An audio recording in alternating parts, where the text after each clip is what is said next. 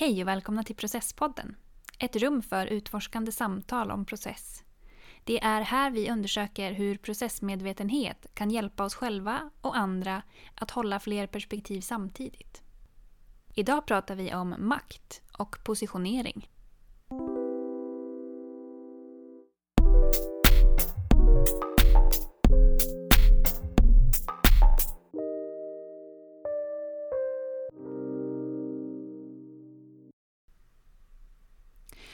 Jag har funderat lite på det här med syfte. Jag tycker ofta, om man pratar om möten till exempel, vi har, det är ganska vanligt förekommande tror jag, att folk tycker att man har många möten i onödan kanske. Eh, där man inte riktigt vet varför man var där och så. Och så tänker jag på, på syfte som eh, processledarens typ viktigaste redskap. Eller jag anser det som ett väldigt viktigt redskap för mig själv i alla fall. Har du något bra exempel på hur och när en kan använda syfte? Om någon ska ha ett möte och, och, och jag sen skulle säga okej, okay, hur få till bästa möjliga mötet. Då skulle jag nog säga, se till att ha ett syfte. Och att det är tydligt och att, så att alla vet varför ni är där.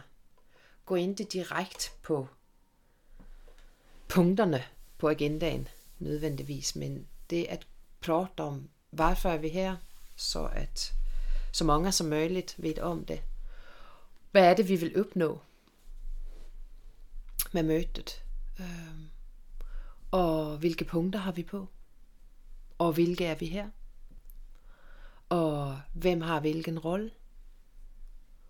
Och hur arbetar vi? Hur vill vi arbeta? Är det okej okay att vi avbryter varandra?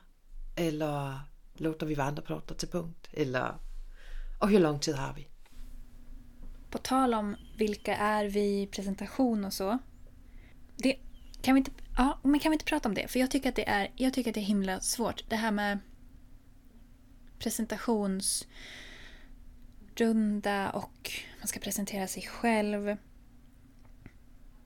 Jag kan tycka att det är lite... Ehm, det beror, det, alltså det, beror på, det beror på grupp, det är väl därför det är svårt. Nu ska vi se, jag ska försöka formulera den här eh, tanken och få, få ut den i, i ord.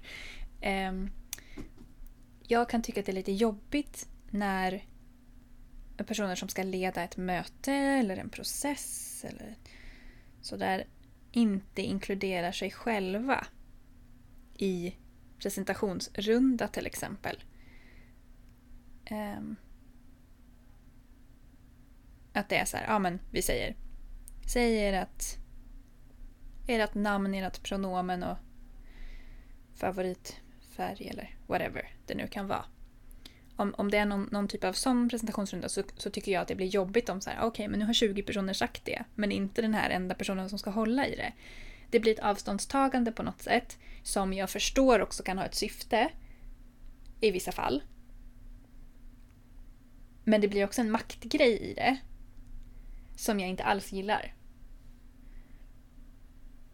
Och sen så, jag har absolut ingenting emot att den personen skulle presentera sig, eller jag då som processledare skulle presentera mig ytterligare lite grann. Beroende på grupp. För att säga, ja men vad är det här för filur liksom? Hur tänker du? För jag, jag, jag är, dub, jag är som sagt dubbel i det. Jag, jag ser att det är fantastiska exempel på positionering. Och positionering som ju alltid äger rum. Om vare sig vi vill det eller inte. Vi kan inte inte positionera oss gentemot varandra. Øh, på olika sätt och vis. Äh, äh, öppna, avvaktande, ehm, ledande, följande, om vi nu tar några sådana poler. Ehm, eh, så, och i det så ser jag det också som en, som en fråga i vilken grad, eh, hur gör vi när vi presenterar oss? Ofta när jag arbetar med grupper, då, det första jag gör det är att jag presenterar mig, om inte vi har träffats för. Så øh, altså efter godmorgen, så sagde jeg, hvem jeg er. och så gör vi sen efter syfte och när vi har gått igenom syfte så tar vi en, en, en runda øh, der alla, alle, så alle er, i rummet är presenterade. Øhm, och, og det är klart att, at, at låter vi bli att presentera så positionerar vi oss ju øh, på ett sätt i relation till gruppen. Jag är inte en del i denna grupp. Det är ni som är gruppen. Jag är här. Jag går mycket efter det, om vi kan säga att det alltid är en asymmetri i relationen i rummet för att det är ju en som processleder och har en annan roll och så är det en grupp som deltar och det ger en, øh, eller det är en, der undervisar eller det är en, der leder, det ger en asymmetri. Så går jag efter en mellanmänsklig symmetri. Alltså vi är alla människor i rummet. Och det är klart att vi alla presenterar oss. Så är det ju. Och, och jag har börjat mer och mer, jag checkar in och jag checkar ut också. Men i vissa fall, då, då låter jag bli att säga någonting. Med tanke på asymmetrin. Mm. Som är alltså att, att inte färga gruppen. Checkar du någonsin in men inte ut eller ut men inte in? Checkar jag in så checkar jag också ut. Och om du inte checkar in, kan du checka ut ändå? Ja, det kan jag. Mm. Mm. Eh, men ofta så är det en till en. Check in, check ut. Eller, eller så låter det bli. Det, det är ganska... Det där det är mycket på gefühl. Mycket? Gefühl, det tyska, alltså på att vad, vad, vad, vad, var är vi i processen?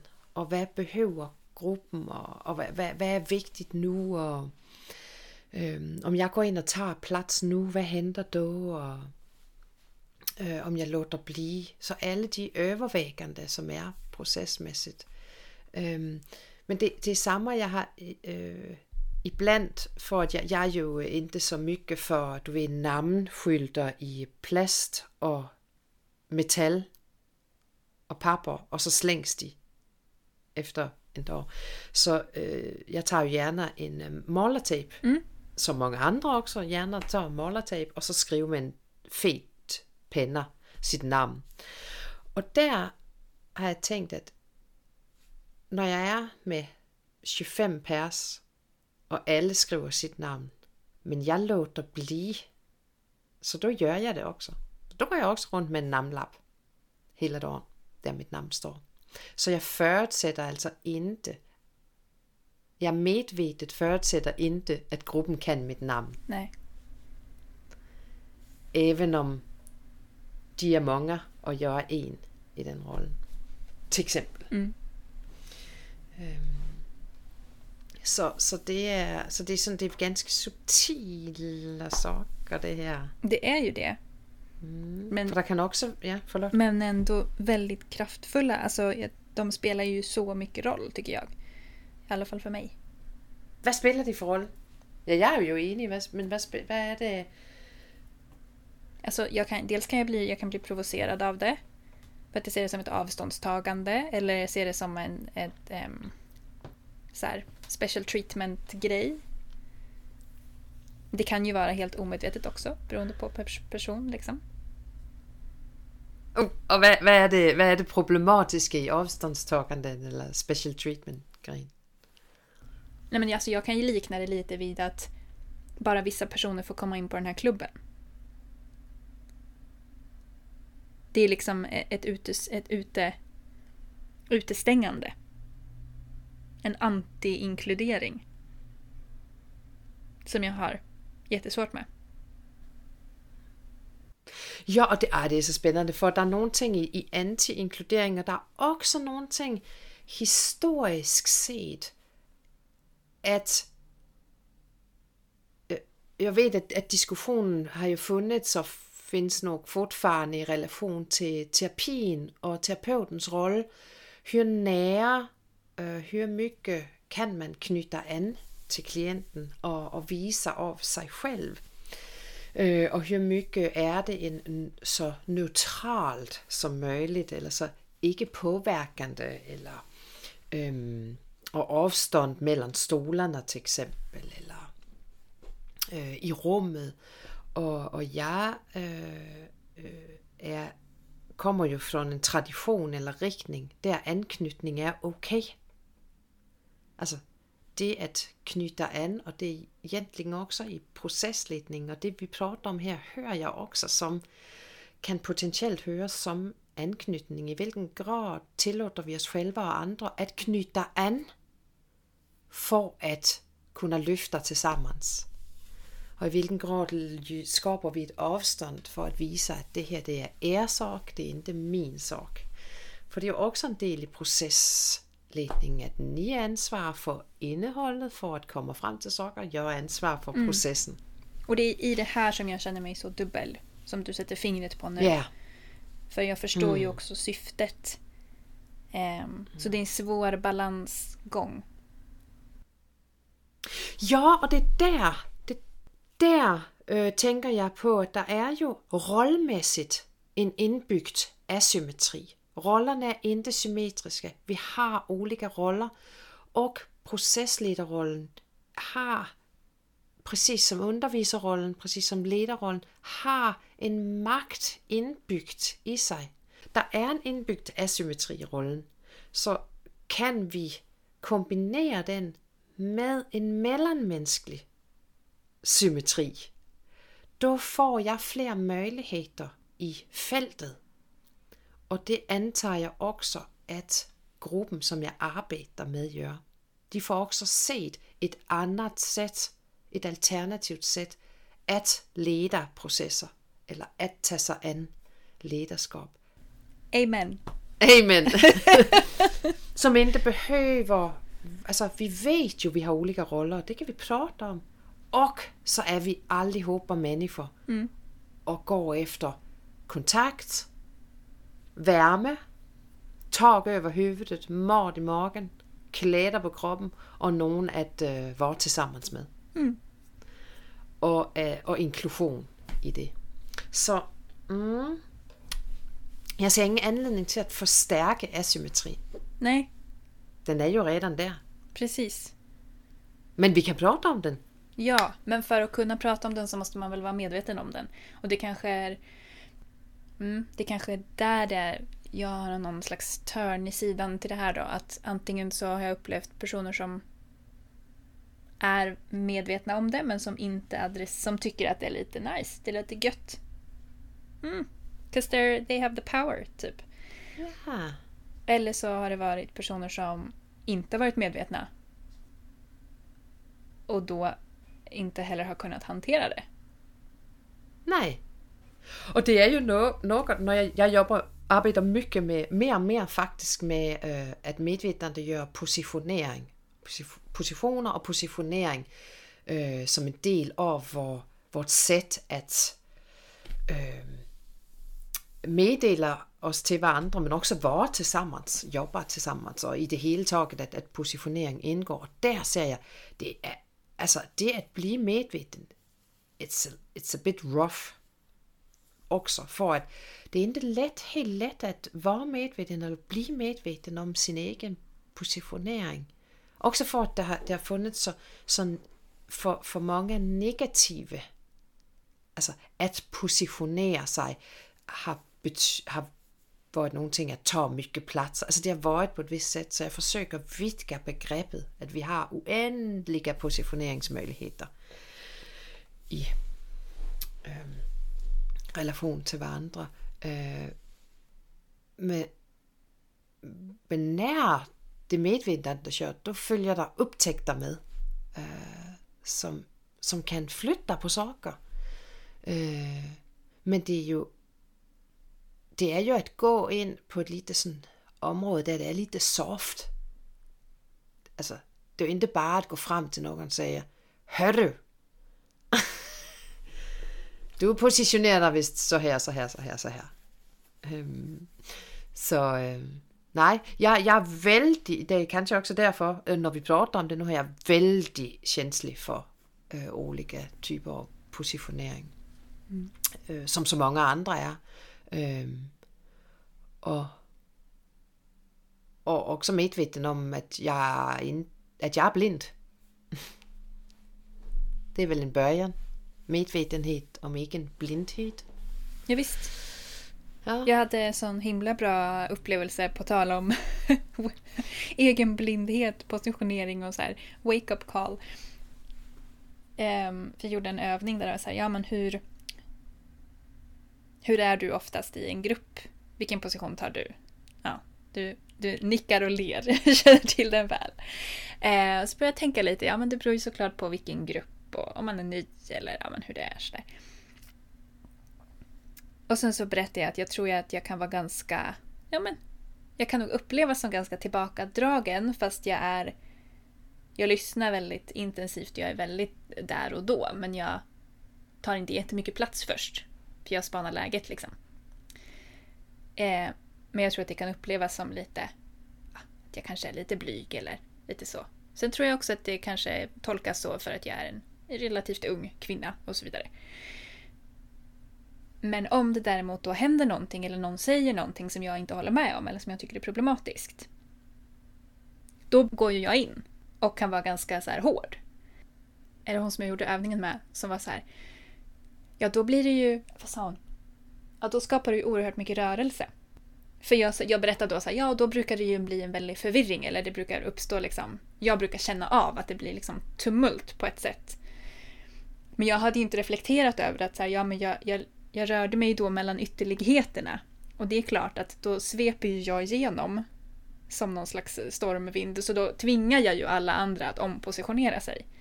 Så det är klart som fasen att det blir, det händer grejer då. Det hade jag inte tänkt på förut. Så det är ju det är så bra att få syn på sig själv sådär. Eller hur? Ja. Jag älskar det. Så, så faktiskt en fråga. En fråga ut kunde ju vara, hur positionerar du dig oftast? Mm. Eller i vilket sammanhang? Mm. Att börja tänka på det. Hur, hör. Ta gärna andra till hjälp. Tänka och fråga. Vad, vad ser de?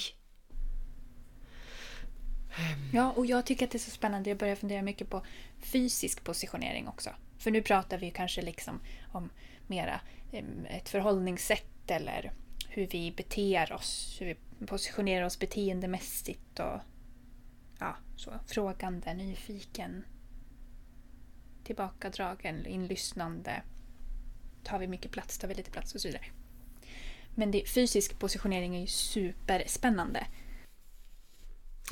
Ja, vi, alltså, och så, vi pratade någon gång om, øh, för du rekommenderade mig Sarah Ahmed, äh, Queer Phenomenology. Yeah. Bland annat. Och där pratar hon ju om positionering äh, ur queer-perspektiv och i relation till alltså, sexualitet och hur positionera. Så där, alltså, alltså, där är så mycket här. Mm. Och, och det att um,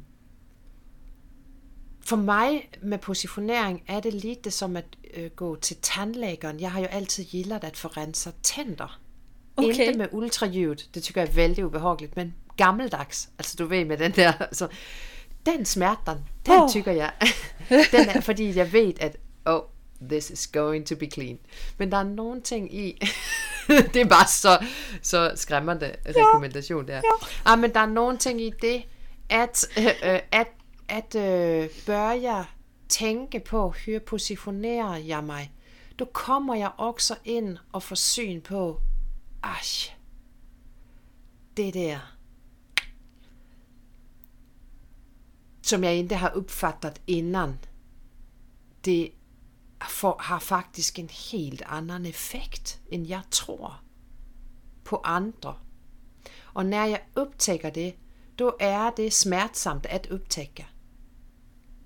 är du helt, är du jag, helt borta? Jag är helt jag, inte, jag bara, tandläkare. Nej, okej okay, vi skriver, vi tandläkare. Vi, vi, vi tar inte med det här för att jag såg det på dig, du bara hamnade helt i... Uh... Jag försökte verkligen förstå. Jag bara, det måste komma något mer nu, förklarar hon snart. Jag förstår. Nej, det, var, det kom inte mer. Nej. Åh, oh, vad roligt. Nej, okay, vi skippar den där. med tandläkaren för att den... Nej, alltså jag tycker vi ska definitivt hämta tandläkarexemplet. ja, men jag hör ju... Ja, det är lite... Åh, vad roligt. Huh. Nu svettas jag. Jo. En del berättar, och det känner jag igen, att bli medveten om sin egen positionering. Det är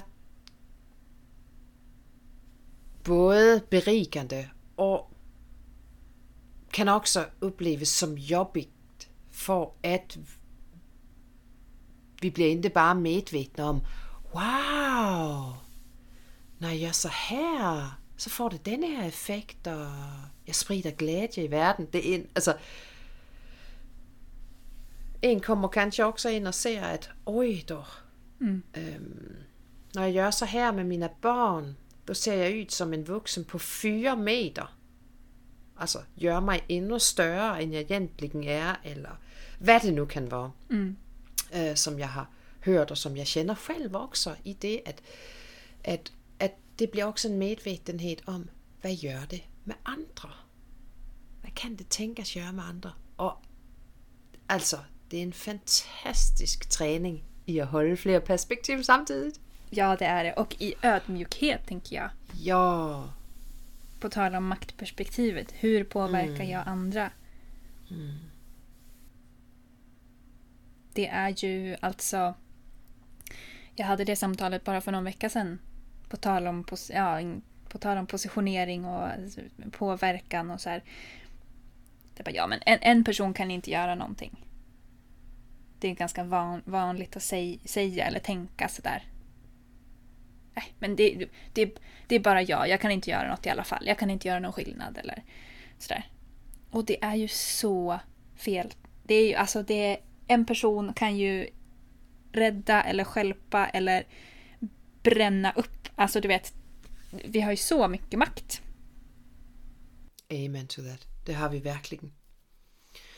Det har, och, och det att, och det här är ett, ett, ett fint steg på vägen som till och med är roligt också. Alltså äh, øh, att, att utforska och börja tänka på vad, vad är det egentligen? Hur positionerar jag mig och vilken effekt äh, får det? för att också kunna upptäcka att vi har mycket mer inflytande. Äh, øh, eller potentiellt mer inflytande än, än vi tror. Mm. Alltså det här är ju, det vi pratar om nu tänker jag är det är, det är en, en så viktig del. Det är lite som så här kärnan i att vara människa, att bygga relationer, att förstå sin del i, i vad som händer runt omkring en. Och jag ser att det, jag, Alltså nu, jag säger inte att jag är expert på detta, det är jag ju verkligen inte som just hörde. Men jag ser att det fattas. Den här förståelsen att så här, okej. Okay. Ja, varför, varför blev det så här? Ja, men för att den här personen inte kunde det eller för att den gjorde så eller ja, den fattar inte eller den är dum eller. Jag bara, jaha, okej. Okay. Och du hade ingen roll alls i det? Eller alltså, it takes two to tango. Det är ju ja, jag vet inte. Jag tycker, jag tycker vi, vi är inne på något här som, som jag ofta går och mm. fnular på. Ja, jag med. Och som är... Øh, øh, du, sa, du sa precis det när du går in i en grupp först på ett sätt och så händer det någonting och så går du in på ett ganska så annorlunda sätt och då hade du fått återkoppling, att det skapar rörelse. Um, och så sa du någonting med att det, det påverkar andras positionering. Och det är den dansen som jag tycker är så häftig i att när jag är villig till att arbeta med min egen positionering, hur jag förhåller mig, då får, bygger jag upp påverkanskraft genom att flytta på mig mentalt eller fysiskt eller då påverkar jag med det så att andra också flyttar på sig. Inte alltid, men ibland. Alltså, den där dansen, den är jag otroligt intresserad i. Ja, och det är ju typ the oldest trick in the book. Alltså det började väl jag med när jag var så här 12 eller något och då hade man ju inte Snapchat så då var det sms om man var intresserad av någon. Så skulle man så smsa eller höra av sig eller så här på Messenger skriva. Men då, det är ju det är så klassiskt. Då bara, nej men hör inte av dig nu på minst fyra dagar. Usch. Att man ändrar, då, för då ändrar du ju hur du positionerar dig. Då har ju du varit den som jagar till den som inte bryr sig, fast det är ju Jag har fejk. alltid varit extremt kast på det där. Ja, ja, jag är också fruktansvärt dålig på det. Jag, bara, jag, jag, kan, jag kan typ inte. Jag bara, nej men det är ju, jag gillar ju dig. Va? Vad sa jag nu? Oj, jaha. Eh. Så, men, men det, det, är- det är en vanlig grej Ja. att testa och det funkar ju ganska ofta. Och tar vi den och vidgar, äh, äh, börjar hitta adjektiv. Alltså få, fram så många adjektiv som möjligt, alltså ord som beskriver hur vi kan positionera oss. Då, då har vi också möjlighet att vidga fältet inom vilket vi kan positionera oss så vi kommer ut ur de klassiska positioneringarna. Någon vill mig, jag vill inte den. Så vill den inte mig, så vill jag den.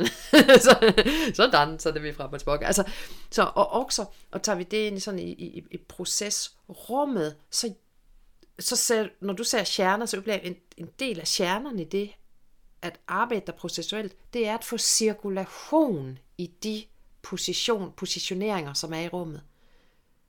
Få till fler möjligheter. Så att vi inte fastnar i roller. Och det, det, är det är ju också, nu, nu är jag ju tillbaka till liksom början här när jag är så här, ja men jag är känslig för anti-inkludering för att det är också det här som jag menar då. Att okej, vilka är det som oftast pratar? Mm, det är män. Eh, när kvinnor pratar 30 procent, det här är alltså forskning, när kvinnor pratar 30 procent i ett rum så anses det, så tycker alla, både kvinnor och män, att det är, det är jämlikt. Män pratar 70 procent, kvinnor pratar 30%. Om kvinnor skulle prata 50 procent av tiden, då anses det som att kvinnorna har tagit över samtalet. För att vi är så vana vid att lyssna på snubbar och vi är så ovana vid att lyssna på kvinnor. Och där tänker jag också som så här processledare och positionering att man har ju den, eller jag anser mig verkligen ha den uppgiften att utmana. Men du behöver inte ta den gamla samma positionen som du alltid tar, Evert. Det är okej att sitta och lyssna och ställa en följdfråga istället. Alltså, nu var det fördomsprofil här på Evert. Mm. Ja. Och ja, nej, och, och ett skritt på den vägen, det är att bli medveten om både 30-70, 70-30, och också hur vi, hur en vanligtvis positionerar sig och vilka andra möjligheter som finns. Och där behövs ofta andra som kan lyssna och ge en återkoppling. För att självbilden är inte alltid helt knivskarp. Äh, hos, inte hos den som tar 70%, men inte heller hos den som tar 30 nödvändigtvis. Eller hos den som øh, äh, oftast är, är väldigt tyst och ibland säger en så. Alltså det, så det där med att faktiskt få utmana sin självbild lite genom att, att ähm, Bli speglad. ja, Få spegling. Det är ju... ah. ja, Jag tänker att det här är lösningen på alla världens problem nu, Johanna. ja, ja. Det det. This and loving Det yourself, då är vi liksom i hamn. Då, vi kommer komma tillbaka. Vi kanske kommer, kanske kommer prata om det här någon mer gång. Ja, jag tror det. Jag tror det. Tusen tack! Tack. Vilken början på dagen. Eller hur?